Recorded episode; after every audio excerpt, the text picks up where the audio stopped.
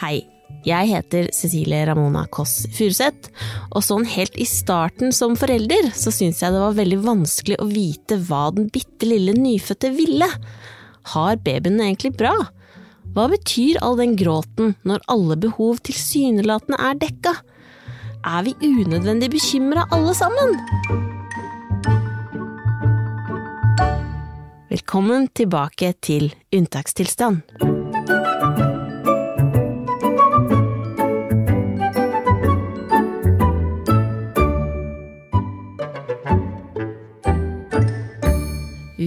Har fått inn en kvinne her nå, som er programleder. Hun er lege, hun er podkaster og tobarnsmor, og hun er en dame jeg liker svært godt. Velkommen, Katarina Flatland!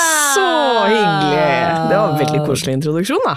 Jo, men det er sant. Jeg husker faktisk at jeg sa Jeg har snakket om deg i mange år, jeg. Ja. Sånn helt når du begynte som programleder, så sa jeg til søsteren min sånn der Katarina Flatland, hun er så dyktig! Dyktig! Og du har også vært programleder for eh, mitt favoritt-TV-program. Jakten Ja, på det, kjærlighet. ikke sant. Ja, jakten på kjærligheten, det savner jeg veldig, faktisk. Eh, Men veldig hyggelig at du sier det. Eh, Akkurat ordet dyktig, det er jo et ord man eh, gladelig tar til seg. Ja, dyktig, liksom. Ja, så koselig. Eh, og nå er du jo Du er tobarnsmor. Hvordan går det? Du, det går bra, eh, men eh, jeg vil si det går det går egentlig veldig sånn fint på hjemmebane. Det går jo i eh, bølger, liksom, men akkurat nå er vi inne i en veldig god periode. Men eh, når du sier sånn eh, Du er en dyktig programleder, så kjenner jeg sånn Åh, det er så lenge siden jeg har liksom vært, vært det. Jeg har liksom ikke vært på bare meg selv på jobb. Den siden, liksom, det savner jeg veldig. Så når du sier 'går det bra', ja det går bra på hjemmebane, men jeg savner kanskje å være litt sånn eh, Være i jobb. Eh, være noe mer enn bare mamma, hvis det er lov å si. Det er lov I en si. mammapodkast. Men syns du nå For det har jeg følt litt på når jeg begynte å jobbe igjen, og nå er jo du her uten baby. Hvor gamle er de? Ja, altså eldstemann er to og et halvt, og yngstemann er et halvt år. Ja. Mm. Syns du det er litt rart å bare gå rundt alene i din egen kropp? Ja, det uh, syns jeg jo er helt uh, magisk. det er kjemperart. Uh, men eh, så syns jeg jo fortsatt at uh, Jeg kjenner nok ikke helt på den derre friheten ennå, fordi jeg ammer uh, fullammer. Så det er bare Det er mye pupp, da. Mm. Eh, og litt sånn derre bare jeg skal hit, så er jo det en planlegging som må til, da. Med pumping av melk, eh, ja, frysing av melk, skjønner du? Det er sånn eh, eh, Jeg gleder meg litt til å bli ferdig med det òg. Ja, men det er også lov å si. Selv om det er en koselig greie. Ja, det er jo det òg. Jeg syns jo den, eh, at du er lege og tobarnsmor, at det passer veldig godt, den komboen i dag. Fordi vi skal snakke om Det høres litt, kanskje litt teit ut, men jeg husker at med eh, førstefødte, altså helt nyfødt, så var det noe av det jeg lurte mest på, var har han det bra? For det er ikke så lett å vite. Nei, jeg vet det. For de er jo bitte små aliens Ja, som er nesten blinde. Og de er veldig sånn floppy. Ja, jeg vet det. Eh, og så noen av de gråter mye, Ja, og da vet man ikke Nei. hva er det du vil. ikke sant. Jeg kjenner meg veldig igjen i det. Jeg kjenner at det er en forskjell på barn én og to. Jeg vet ikke hvordan du syns det var, med bekymringene. Stor forskjell. Ja, samme her. Eh, og da eh, er det også mange som sier er det også, Henger det også sammen med at I hvert fall jeg følte liksom, det er mindre liksom, bekymring nå. Ehm, er det på en måte mindre symptomer, hvis vi kan kalle det det hos barnet, eller er det det at jeg bare er mindre liksom, hysterisk? Det, er, det er, vet jeg ikke helt hva som er hva, da. Kan det være begge deler òg. Men uh, med første Vi er jo da begge leger, ikke sant? Harald er også lege. Med Bernhard så så var jeg altså Jeg var på de mest alvorlige diagnoser uh, ukentlig, altså. Ja, fordi Ja. det lurte jeg på, om det at du hadde den legebagasjen, om det gjorde det lettere eller vanskeligere? Mye vanskeligere, mener jeg, da. Ja. Eh, fordi eh, jeg, jeg hadde på en måte akkurat også hatt eh, pediatri, som er liksom læren om barnesykdommer. Å oh nei, du visste alt! Og Hadde du da- sett bilder og sånn òg? Ja, ja, masse bilder. Å, ja, masse bilder av alt fra misdannelser til eh, krefttilstander til eh, eh, barnemishandling. Altså, vi var jo gjennom alt, liksom. Mm. Eh, så da han gråt, så var jo jeg sånn eh, Hvis ikke den sluttet ganske fort, så måtte det være noe, på en måte. For jeg tenker at de gråter jo liksom for en grunn. Enten så er de sultne, eller så har de vondt. Eh, eller så er de trøtte. Det er liksom mine tre forklaringer. Eh, men nå med nummer to så er jeg kanskje blitt litt mer sånn at Ok, kanskje dette bare er en dårlig dag, liksom. Ja. Og bare ah, Han vet ikke helt hva han vil, eller jeg vet ikke hva han vil, eller Men den store forskjellen for meg er at jeg vet at det går over, på en måte. Eh, de dagene hvor jeg tenker sånn åh, i dag ble det helt kluss med soving og spising og alt sånn, så skjønner jeg at liksom ok, da driter vi den dagen her, og så går vi på Meny i morgen. Eh, mens med førstemann så var jeg bare sånn ja, nei, men nå er, da er dette ny rutine, da. At uh, han ikke spiser før han skal legge seg, ikke sant. Og så tenker du bare sånn uh, Ja, sånn worst case scenarioer hele tiden. Men klarte dere å roe ned hverandre, eller var det mer hause hverandre opp? ja, jeg tror, jeg tror liksom uh, at vi ubevisst hauset hverandre opp. Og det handler Ja. litt om at blant annet så hadde jeg veldig sånn eh, frykt for at man skal få noe som heter invaginasjon. Hva av var det tarm, da. det er at eh, de får eh, sant, Tarmen går jo som en sånn eh, sikksakk. Ja. Eh, og så kan tarmen, veldig sjelden selvfølgelig, men hyppigere hos gutter under to år, som jeg da hadde Den kan liksom vrenge seg inn i, sin egen hul, i, i sitt eget hulrom. Gir det mening? Oi. Jo, ja. Ikke sant? Ja. Eh, og da, hvis den liksom vrenger seg inn, så får barna veldig vondt i magen. Og det kommer gjerne sånn eh, De gråter, og så gir de seg litt, og så gråter de, og så gir de seg litt. Og så er det sånn typisk at de får sånn ripsgeléavføring. Litt sånn rødlig. ja. Det hadde han jo selvfølgelig aldri. Men han hadde jo litt gråting, ikke gråting. Det var noen nok. symptomer der. Det var noen symptomer. Og den var jeg liksom på ukentlig, da. Um, og jeg fikk Harald til å komme hjem fra en middag en gang, husker jeg. Bare sånn, nå er det Han har invaginasjon, liksom. Du må Mm. komme. Og så kommer han, så ligger jo selvfølgelig Bernhard og sover sin søteste søvn. Ja, da sånn Harald kom hjem. Men poenget er bare at idet jeg kastet ut sånne diagnoser, så fanger jo bordet litt. Så Harald skal jo være ganske sikker hvis han sier sånn 'dette er ikke invaginasjon'. For det vet han jo ikke. Så hvis jeg har kastet ut det, så må han også på en måte kanskje undersøke litt, eller ja, ta det på alvor. Kanskje dra til legen, som vi gjorde et par ganger. Eh, så selv om vi ikke vil hause hverandre opp og gjøre hverandre mer bekymra, så, så fanger bordet litt da, hvis den ene kaster ut en sånn diagnose. Mm. Jeg tror Jeg begynner å tenke nå, hvis jeg hadde visst om disse Hvis jeg hadde visst om akkurat den diagnosen, Mm. hadde 100 Ikke sant? trodd at det var tilfellet. Ja. Fordi det er gutt, og så det var mye gråt. Ja, og det er jo noe med det som ofte er svaret, så er det magevondt og umodne tarmer. Mm. Og hvor umodne tarmer kan man ha? Eller jo, jeg skjønner at de er umodne, men det er så mye sånn diffuse greier. Men det er kanskje bare sånn det er, eller? Ja, jeg tror jo det, og jeg tror at dessverre så handler det mye om med småbarn at man vet ikke. Eh, så jeg tror liksom, ikke sant, Det forskes jo ikke så veldig mye Man kan ikke teste ting på nyfødte av etiske årsaker, sammen med liksom gravide mødre. Um, så jeg tror at veldig ofte så er det jo litt sånn man vet ikke helt Er det umodne tarmer? Er det, uh, er det en bakterie i visse, uh, hos visse barn som gjør at uh, de får mer vondt enn andre? Jeg tror, ikke liksom, jeg tror ikke man alltid vet, og da er det veldig fint å kunne si umodne tarmer, det tar tid, og så blir det bedre. Jeg tror at en baby vil ha dager hvor den på en måte Den har det greit, men den gråter litt sånn eh, uten at man klarer å finne ut hvorfor. Har jeg i hvert fall skjønt med nummer to. At liksom eh, Jeg kan tenke at han er sulten, trøtt og eh, har vondt i magen, og prøve å gjøre alt jeg kan for å liksom løse det, og ingenting hjelper. I hvert fall for min del har det liksom vært deilig å få barn nummer to og klare å liksom være litt mer avslappa. Fordi med første så følte jeg var veldig sånn eh, Jeg ble så stressa av gråt. Jeg gjør fortsatt det, egentlig. Eh, men jeg tåler det litt bedre nå, da. Ja. Eh, men jeg tror liksom bare det å, å vite at litt gråt er vanlig og helt normalt, og at det kommer bedre dager. Det er liksom sånn jeg må mentalt si til meg selv, da. På de Mm. dårlige dagene. Men at det er tøft å få barn, det kan vi vel alle skrive under på. Det kan vi skrive under på. Ja. Men når du og da eh, din ektemann har tatt med baby til Mm. legen, to leger drar til legen, hva skjer da?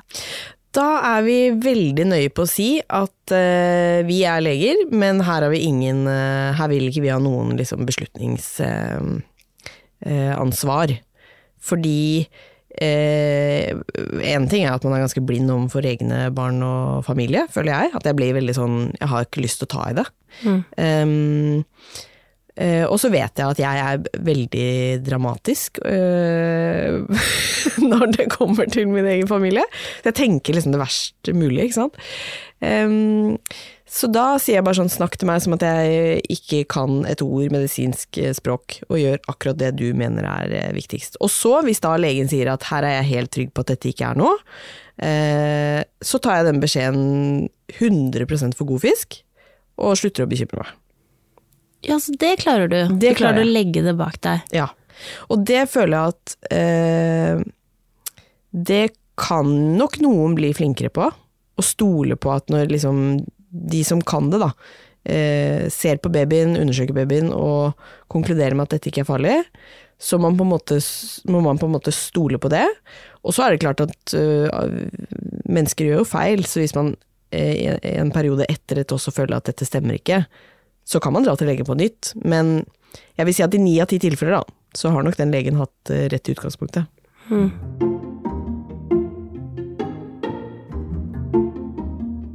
Hvordan er du som mamma, for du nevnte at du var litt dramatisk. er, det din, er det din stil, eller? Altså Min mann vil i hvert fall mene at jeg er veldig dramatisk, men det er fordi for eksempel så har vi sånn pågående diskusjon hvor jeg mener at jeg er anatomisk eh, Det kommer til min egen helse, da. Eh, Anatomisk er laget sånn at når jeg hikker, så er det ekstremt vondt. Jeg er samme, det gjør vondt. Ikke så Ja. dritvondt. Det gjør kjempevondt. Og hvis du i tillegg svelger en hikk, Ja. da setter det seg jo i brystet som aldri før. Og det eh, får jeg alltid høre, da, at når jeg diskuterer liksom ah, Jeg har fått vondt i nakken, kan det liksom være Er det en kink, eller er det en prolaps, liksom? Altså, han syns jeg bare alltid liksom tenker worst case. Eh, og det gjør jeg nok med egne barn også, men i mye mindre grad nå med, med minstemann. Jeg tror ikke jeg har vært hos eh, legen med han enda, faktisk. Eh, mens Bernhard er ganske hyppig fortsatt hos legen. Men det er jo bare noe med at liksom Som sagt, de barna kan ikke si fra annet enn f.eks. med gråt, da. Eh, og han eldstemann har blitt to og et halvt, men hvis jeg lurer på om han har vondt et sted, så kan jeg jo si har du vondt i magen? Ja. Har du vondt, har du vondt i beinet, sier jeg ofte, for å liksom sjekke om han Ja, der har han også vondt, ikke sant. Ja. Ja, men har du vondt i øyet? Ja. Så jeg så vondt overalt på Ja. hele kroppen. men så tenker jeg, det kan jo hende han har vondt i hele kroppen. Vi tar ham med til legen. Bare for å liksom utelukke det. Men bekymrer du deg mye? Nei, altså der Ja, jeg bekymrer meg ganske mye. Uh, men også mindre med nummer to. Men jeg tenkte vi skulle ta opp dette uh, notatet. Ja. Som da jeg hadde med til eh, helsestasjonen altså de første gangene jeg var der med en nyfødt baby. Så skal vi gå gjennom det som en sjekkliste. Ja. Skal du forklare det som lege? Spennende. Og jeg har ikke noe mer informasjon enn bare ett ord. Det er så stikkordsliste. Oh, ja, ok. Får håpe jeg klarer å svare på det. Mye gulping. Ja, ikke sant. Mye gulping. Mm. Ja. Normalt. Ja, ja, men da vil jo jeg si hva, hva legger du i mye gulping, da? Det var gulping, ja. Det var gulping. Det var gulping, men eh, det var ikke refluks, liksom. Nei, og hvordan vet du det, da? Nei, det vet jeg. jeg. Jeg fikk høre at det var normal mengde gulping. Og jeg fikk også høre at man kunne ta Hvis du, tok, eh, hvis du tar litt grann vann i et glass, Ja. og så kaster du det på teppet, Ja. så ser det veldig mye ut. ja. Og sånn er det ofte med gulp også. Det ser ut som de har gulpet opp liksom hele flaska, men det er ikke så mye. Hvis du på en måte samler det i en liten kopp. Nei. Nei, ikke sant. Mye gulp. Um, da eh, vil jeg jo liksom eh, Ja, jeg vil jo si at mye gulping er normalt. Eh, men så er det jo f.eks. refluks, skal man jo på en måte vite at det er en tilstand som eksisterer. Da går vel ofte ikke barnet så godt opp i vekt. Ikke sant? Man ser det jo gjerne på det, om barnet går opp i vekt eller ikke, som det skal. Ehm, og så er det jo dette med sånn godt sugetak, da. Dette med tungebånd, Tungebånd, ja. ikke sant. Det har du sikkert også vært borti. Det har jeg også vært borti. Ja. Og der er det Det må man nesten ha en egen episode om tungebånd. Ja. Fordi det er, der er de, står de i hver sine leire. Yes. Noen Absolutt. eh, bryr seg ikke om tungebånd, noen mener at det kan eh, gi deg alt fra vondt i hodet til fotsvette. Ja, ikke sant. så. Så hva skal man gjøre da, da? Hvis, du, eh, hvis det er noen som hører på nå, som lurer på er det stramt tungebånd, hvor skal man gå da? Altså, vi gjorde jo det uh, med førstemann, for da han gulpa mye. Ja. Um, og han Jeg mener å huske at han lagde en slags sånn klikkelyd uh, da han amma. Som er sånn karakteristisk for uh, stram tungebånd, da. Sånn ja. at Ja. Eh, og så dro vi til Dette blir en helt sånn personlig erfaring. ja. Vi dro til en fastlege på Vinneren, som driver med dette på kveldstid. Hun har ikke noe økonomisk vinning, det finnes jo masse private klinikker. ikke Jeg var sant? også en fyr som gjorde det på kveldstid. Gjorde du det? Føltes sånn Hva shady. det som skjer? Ja, men for meg da, så er det i hvert fall viktig eh, Egentlig viktig å vite at folk ikke har økonomisk vinning på å klippe tungebåndet på min baby. Ja, det er, veldig, det er viktig. Ikke sant? Fordi det fins jo noen aktører som tar eh, veldig mye penger for det. Og jeg tror vi betalte 100 kroner eller noe sånt for utstyret hun brukte. Ikke sant? For hun gjorde dette fordi hun hadde så god erfaring med at det hjalp folk, da. Eh, så der gjorde vi det, og jeg må si at det hjalp veldig godt for vår del. Så hvis noen sitter og lurer Jeg er i hvert fall litt sånn at da ville jeg prøvd å dra til en lege og se om Få en objektiv vurdering, da. Ja, Så bare sjekke det ut, i hvert fall. Ja, er du ikke enig? da? Jeg syns ofte liksom det er greit å ekskludere liksom, ting jeg lurer på. Jo, for det er jo som du sier, eh, at hvis du som mor sitter med en følelse av at her er det noe, så er det ofte noe. Ja. Men så vil jeg bare si at Men akkurat den tungebånden Jeg vet det. den er Det er et minefelt. Det er et minefelt, og det jeg også kjenner litt på, er eh, Ja, hvis man som mor eh, bekymrer seg, så stemmer det ofte, men jeg Noen vet ganger stemmer det jo ikke heller. Nei, og jeg vet av erfaring, hvis du begynner å google, da, ikke sant, stram tungebånd da, Jeg er helt sikker på at de som sitter og lurer på det nå og googler det, de, de tikker av på ganske mange av de symptomene. Ja. Som er kanskje gulping eller litt magevondt eller altså Og det kan også være tegn på en helt vanlig baby. Yes. Så, Så oppsummert, Oppsummert, ingen gå hjelp å til få her. legen. Ja, men gå til legen er jo alltid, alltid et deilig tips å gi. Ja. Eh, men eh, men eh, jeg, jeg er i hvert fall sånn at jeg må finne ut av ting. Jeg Ja. klarer ikke å slå meg til ro med at liksom Ja, dette blir bedre om noen måneder, eller Vente og se. Vente og se, liksom. Mm. Se det an. Se det an. Men gulping i hvert fall er jo normalt, da. Gulping normalt. Ok. Ukomfortabel. Åh, Syns litt synd på den helsesøsteren som fikk deg Jeg hadde nok, jeg, jeg, jeg, hadde nok noen utdypninger der. Eh, men dette er jo også inne på sånn har han, har han det bra? Ja, liksom, sant? Som egentlig er uh, tørr hud i fjeset. Ja, det er jo kjempevanlig. Ja. Og utslett hos barn, kjempevanlig. Eh, altså, jeg tror nesten ukentlig at vi har røde prikker på våre barn. Hvor jeg tenker sånn, nå kommer vannkoppene. Hmm. Men så er det bare én eller to røde prikker eller et utslett eller eh, ja, eh, ammeutslett. Det er så mye utslett. Hva smører man med?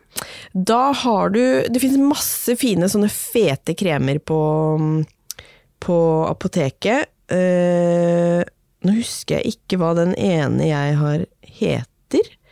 Men jeg hadde bare gått på et apotek, spurt etter en fet krem for tørr hud på baby, så har de masse, masse gode alternativer. Smøre på. Eh, nupper. Ja. Det går jo en utslett, og det er så vanlig at uh, det trenger du ikke Hva bekymre er deg for. disse babynuppene?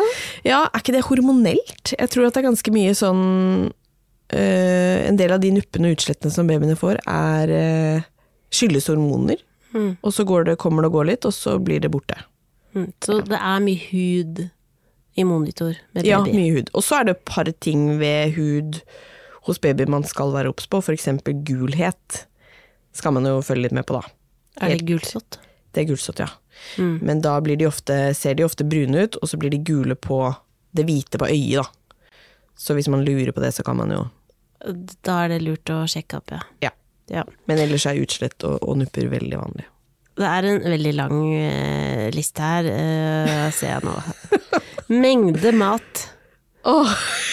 Når kan jeg øke? Altså det, var, det er sånne veldig basic spørsmål, da. Og det er Ja. også veldig vanlig å lure på. Er det nok mat, eller er det ikke? Ja. Uh, og så det siste jeg har skrevet opp her, er bæresjal. Kan det bli for mye? ja, ikke sant. Uh, og da uh, kan, det konkluderte jeg med nå i ettertid, at det kan jo ikke bli for mye bæresjal. Det det er bare å kjøre på. Ja. Mm. Men det du ikke hadde der, som jeg eh, tok med til eh, helsesøster, var jo spørsmål om kveldsuro. Hvor, Ja. hvor vanlig er det Hvor urolig er de, på en måte, før det liksom er unormalt, da.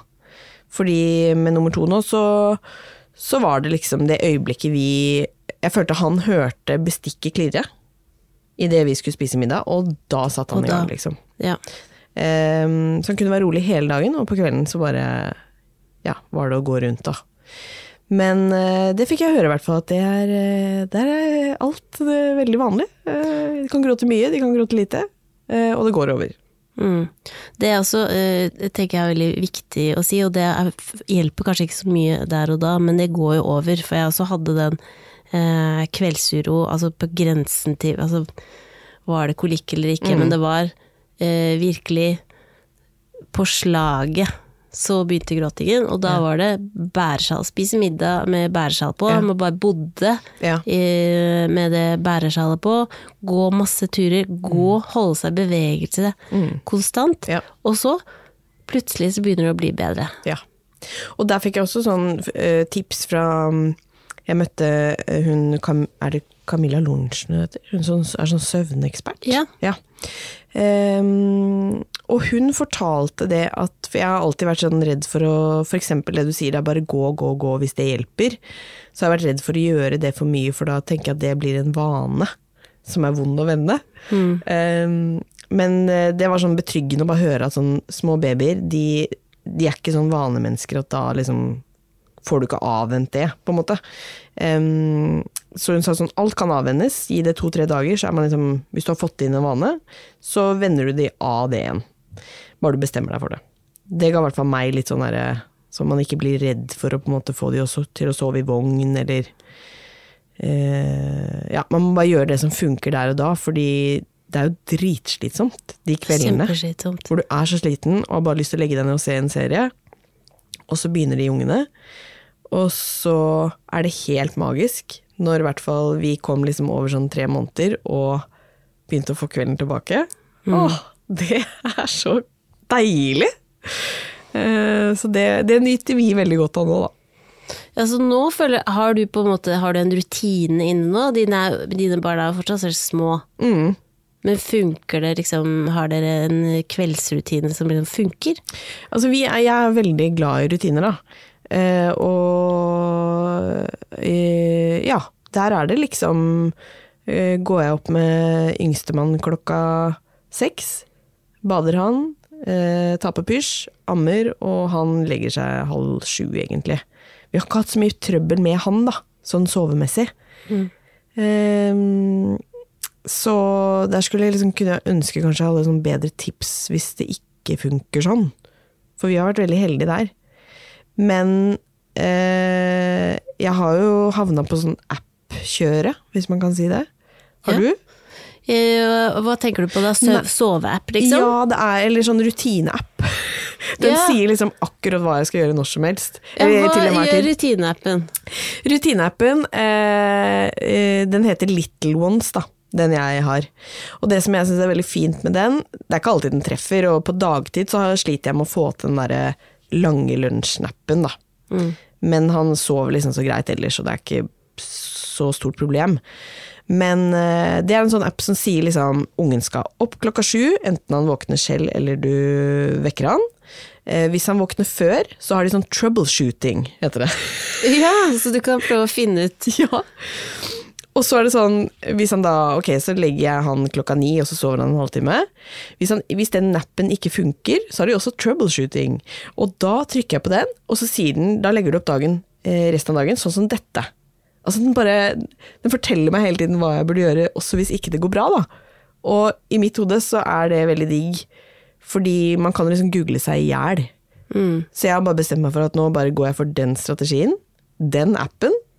Um, og så uh, holder jeg meg til det. Mm. Det er liksom min strategi, da. Men når de er helt nyfødte, da funker ikke sånne ting. Da funker ikke det. Da er det bare Da er det ikke noe melatonin. Nei. Så tre første månedene er jo bare Egentlig så sover jo de fleste babyer sover veldig mye da. Eh, og sover til eh, rare tider og utider og riktige tider. Eh, men rundt tre-fire måneder så begynner de å få melatonin på kvelden. Og da går jo søvnen seg til hos de aller fleste, da. Mm. Det er godt å høre. For deg som tenker nå, vil jeg noen gang sove igjen? Ja. Vi samsover på hvert vårt soverom, faktisk, med Ja. hvert vårt barn. Og det er faktisk ganske koselig. Ja. Det er jo litt rart, kanskje, ja. men også koselig. Ja, men jeg tror veldig mange gjør akkurat det dere gjør. Vi eh, For du samsover da med den minste mann, eller? Mm. Ja, og eh, Men hvorfor er ikke eldstemann på eget rom, da? Han liker best å samsove. Ja. da gjør man det sånn. Og så skjedde hverdagen. Ja, jeg skjønner det Eh, så, så jeg vet godt. at den uh, ja, Jeg har kjøpt en kjempestor seng som han kan sove i. En Ja. 90-seng. Oi. så deilig. eh, som, som, som han syns er veldig kul, da. Ja. Den ser rå ut, men han har ikke noe lyst til å være i den. Nei. Og da tenker jeg sånn, ok, men da trenger du ekstra nærhet akkurat nå, så da går det bra. Ja. Men det du sier her er jeg veldig fan av. Man bare gjør det som funker akkurat nå, og Mm. så kan man avvenne rutiner eller få nye rutiner hvis det skal til. Men, eh, men eh, vi har faktisk vært ganske tøffe på det der med samsoving på første. Fordi eh, ja, flere vi har rundt oss sier liksom at det er så vanskelig å komme ut av igjen, da. Mm. Så han har egentlig aldri liksom sovet Han har aldri sovet i vår seng, faktisk. Nei, for det blir jo vanskeligere og vanskeligere å komme ut av, selvfølgelig. Og det hadde jo vært hyggelig å sove i samme seng som samboeren min. Ja. Eh, Så på et eller annet tidspunkt, rundt eh, kanskje skolealder, så kommer vi også Det blir ikke flere barn da, før eh, skolealder i hvert fall. Nei, men vi skal faktisk Jeg samsover jo nå med han yngste, og så sover Harald på eget rom og Bernhard på eget rom. Men planen er jo, når han bikker seks måneder om en måned, å flytte Bastian da på eget rom. Ja.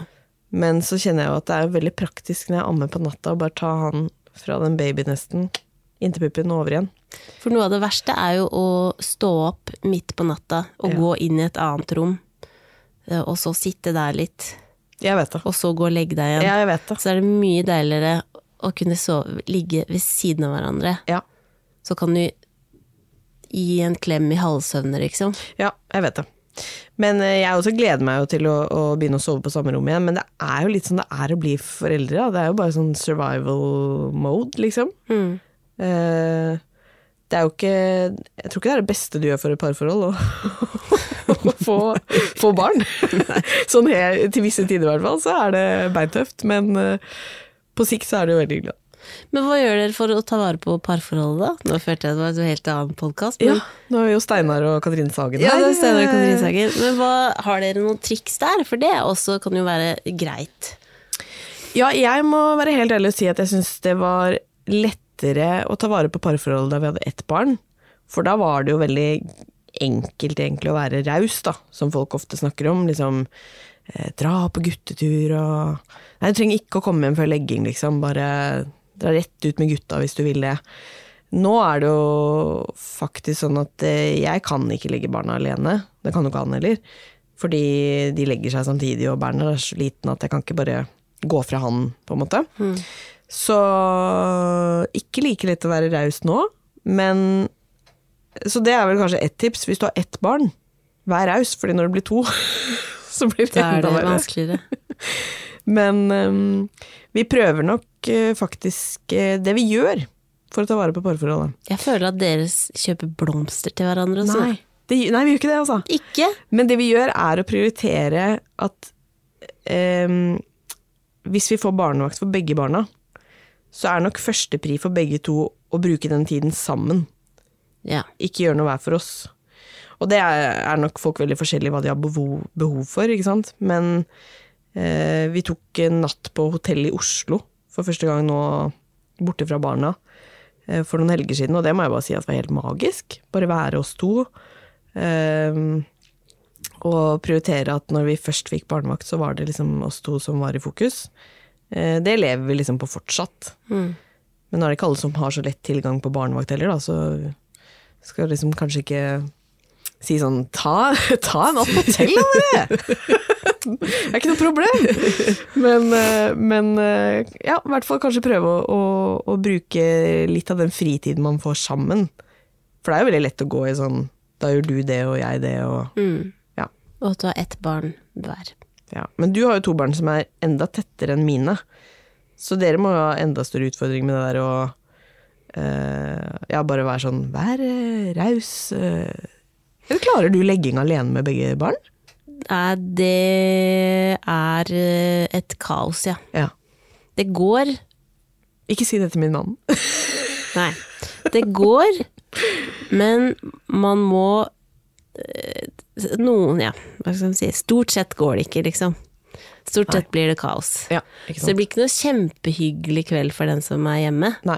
Men jeg tenker at det også er eh, greit, fordi nettopp at man må være raus med hverandre.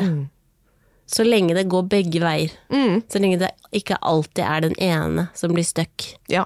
med å gjøre de kjedelige tingene. Og det som er bra, som jeg har oppdaget uh, nå i det siste, er at man får en sånn Når jeg får til det, de to, eksempel å få på begge to vinterklær og komme ut døra aleine.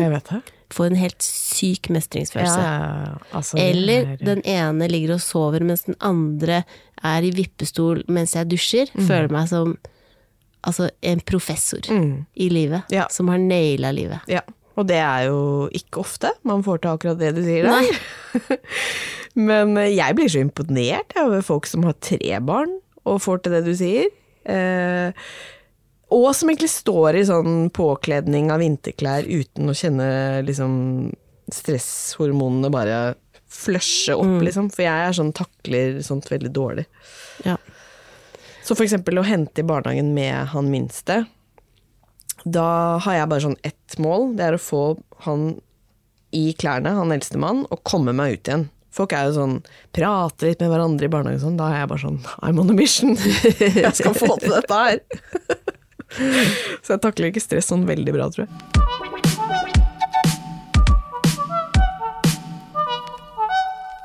Men eh, har du, Katarina, som da er lege og mor, noen eh, liksom tips for å unngå å bli for forsiktig eller overbeskyttende? Jeg tror ikke jeg følger det sånn til punkt og prikke selv, men det å øh, Det å To ting, da. Ikke google for mye. Sånn ting som dukker opp med barn, fordi da jeg havner i hvert fall inn på de verste liksom sånn diagnosesider. Um, og da blir man bare mer og mer bekymret. Um, og så tror jeg at, eh, i hvert fall når barn blir litt eldre, man må Altså for at de skal bli trygge og uh, ikke liksom bli så redde selv, så føler jeg at de må, de må falle litt. De må slå seg litt. De må gråte litt. Må få litt motstand. Um, og de må liksom lære det selv. Så det er fælt å si, men liksom de må jo, du må jo nesten la de falle, selv om du ser at nå kommer det til å gå skeis. Så innimellom må du jo la de gjøre det, da. Selv om jeg syns det er veldig vanskelig selv. Jeg er jo litt sånn hønemor. Nei, hvordan skal man bli for forsiktig? Jeg jobber jo med det selv, da. Så merker det er vanskelig å sånn, ta på sånn legehatten. Hva tenker du? Det er et godt tips at de må liksom For at de skal bli trygge, Mm. så må du også være til stede, men du må ikke, heller ikke De må få lov å prøve å gjøre ting selv, Ja. Så mens du er en trygg base. Ja.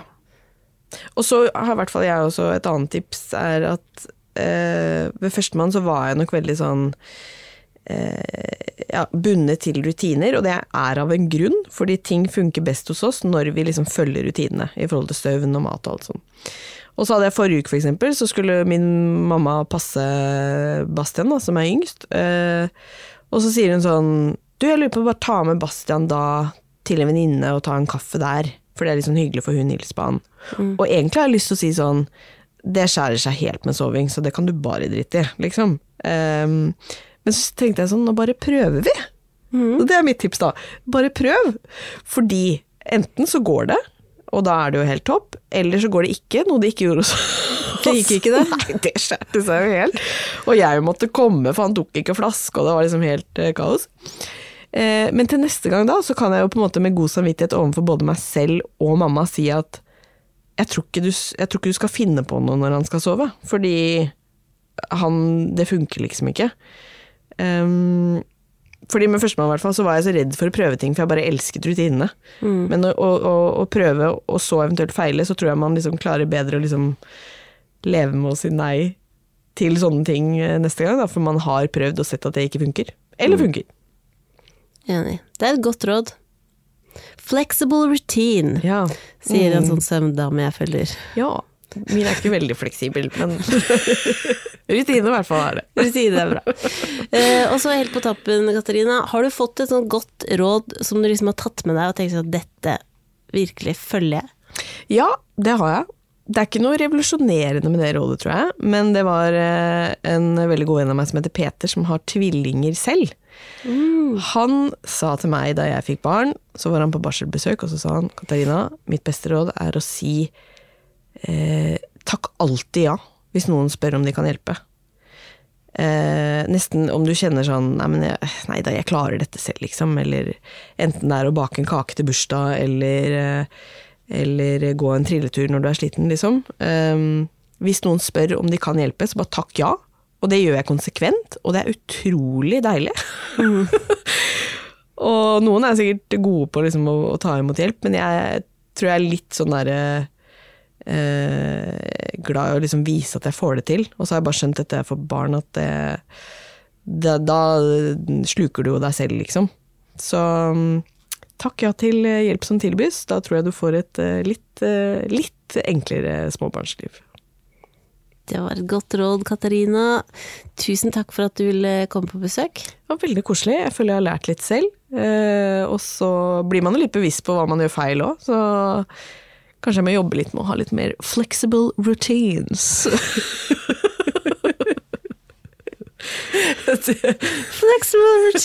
Det høres så veldig fint ut. Ja, det høres dritfint ut.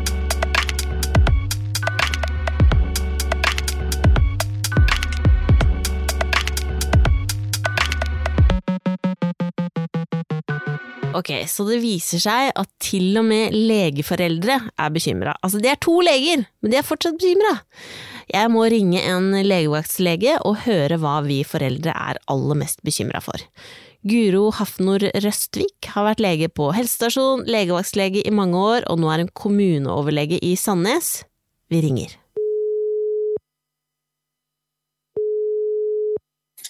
Ja, hallo, det er Gro. Hei, Guro! Hei, Cecilie.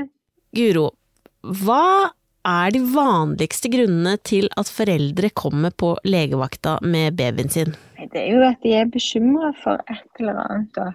Um, og som regel så er det et spørsmål om en infeksjonssykdom, altså at de eh, tenker at det er, det er et eller annet virus eller bakterie som vi skal gjøre noe med. Eller så er det utslett. Det kan òg veldig ofte være.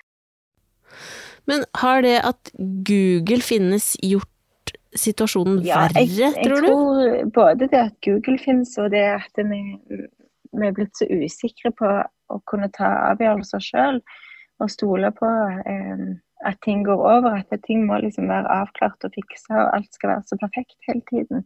Det tror jeg påvirker oss veldig. Men tror du vi er unødvendig mye bekymra? Absolutt. Jeg tror at det, det aller, aller fleste Altså de fleste tingene går over av seg sjøl uten at vi trenger å gjøre noe særlig. Hva sier du til de foreldrene som kommer på legevakta, da? Jeg eh, tar det jo på alvor og hører hva de, hva de kommer med. For med barn så er det jo sånn at det er foreldrene som kjenner barnet best. Eh, og barnet kan jo ikke fortelle sjøl, så hvis foreldrene er bekymra for noe ikke er sånn som det pleier å være, så hører vi på det. Og så undersøker jeg barnet, kler av det og, og ser ordentlig på det, at barnet har det bra. Eh, og så pleier jeg å snakke litt om hva er det som skal til for at barnet har det bra. Da. Da er det liksom, hvis et barn gir god kontakt, ser meg i øynene, gjerne smiler, pludrer, eh, så blir jeg veldig fornøyd. Eh, hvis det puster normalt, så blir jeg veldig fornøyd. Um, og så pleier jeg å spørre om, de, om barnet har drukket godt, om det fremdeles tisser. Og hvis de gjør det, så er jeg òg veldig lite bekymra. Det går ting som regel over av seg sjøl. Ja. Men er det noen typiske situasjoner som man absolutt burde dra på legevakta for? Ja, det er det absolutt. Eh, barn som er mindre enn tre måneder, skal ikke ha feber. Så hvis barnet ditt er mindre enn tre måneder og har feber, så er det lurt å ringe til legevakta i hvert fall og få noen råd. Og så er det jo også sånn at Hvis barnet ditt ikke gir kontakt, altså hvis barnet ditt er så slapt at du ikke får ordentlig kontakt med det, eh, og du har prøvd å kle av barnet sånn at det ikke er så varmt, du har prøvd i Paracet gjerne, eh, men barnet ikke gir kontakt, da skal, da skal barnet tilses av en lege. Eh, og så er det jo òg disse barna, hvis de ikke har tissa på åtte-ti timer fordi de ikke får i seg nok væske, og du ikke klarer å få i deg væske med alle de som lurer og lokketingene som en kan prøve på, sant? med å, å, gi litt saft og gi, eh, drikke på teskje og, og, og, sånne ting. Hvis, hvis, det ikke hjelper, ja, da kan du ta, absolutt ta kontakt med legevakt. For da, da trenger kanskje barnet noe mer. Um, Mm, det er noen gode huskeregler. Og så er det jo litt sånn at hvis barnet puster veldig, veldig, veldig fort eh, og ikke har feber eh, Altså når man har gitt febernedsettende, feberen har gått ned, men barnet fremdeles puster fort, så kan det òg være greit å ringe til legevakten og få noen råd. Men jeg syns ofte at en, en kan eh, kanskje ringe til bestemor først, altså sin egen mor eller, eller eh, barnets farmor, og få noen råd. For det er, det er veldig mange eh, ting som, som en er bekymra for når en er foreldre sjøl. Men når en bare får snakke med noen andre, så er man ikke så bekymra etterpå. Men du har, har barn selv? Hvilken type er du? En googler eller en som ringer bestemor eller legevakta? Jeg ringer, ringer, bestemor. Så selv om jeg er lege selv og syns at jeg har masse kunnskap når det gjelder andre sine barn, så blir jeg kjempebekymra når mine egne barn er syke. Ikke så mye nå, for nå er de jo blitt så store, men når de var små, så, så ble jeg gjerne bekymra. Så ringte jeg til mamma, og så sa jeg sånn nå er det sånn og sånn. Hva, hva tenker du? Og så sa hun sånn Guro, du er jo lege. Så sa jeg jo, jo, men jeg vil, jeg vil gjerne høre hva du sier. Og så fikk jeg noen gode råd i forhold til hva, hva hun gjorde når jeg var liten, f.eks. Hva er det beste rådet du har fått av mammaen din? Det er jo å gi barnet oppmerksomhet og kos når de er syke. Ikke være så opptatt av å være lege, men være mer opptatt av å være mamma. Det å kle av barnet når de har feber, gi det noe kaldt å drikke. Det hjelper ofte veldig. Og så ikke være så bekymra. Ikke være så bekymra. Mm. Guros budskap. Tusen takk, Guro. Jo, bare hyggelig. Ha det takk bra. Det. Der har du det altså. Ikke vær så bekymra. Ring bestemor eller mammaen din eller bestefar eller pappaen din. Og tusen takk for at du hørte på. Jeg er tilbake i neste uke. Da kommer sydronning Ingrid Bergtun med baby på besøk. I mellomtida så vil jeg gjerne høre fra deg. Send meg en mail på unntakstilstand at anti.as, eller følg Unntakstilstand på Instagram. Klem! du!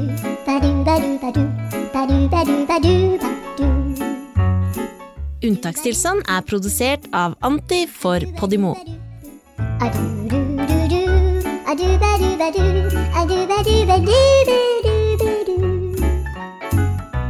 A do ba do ba do do do a do.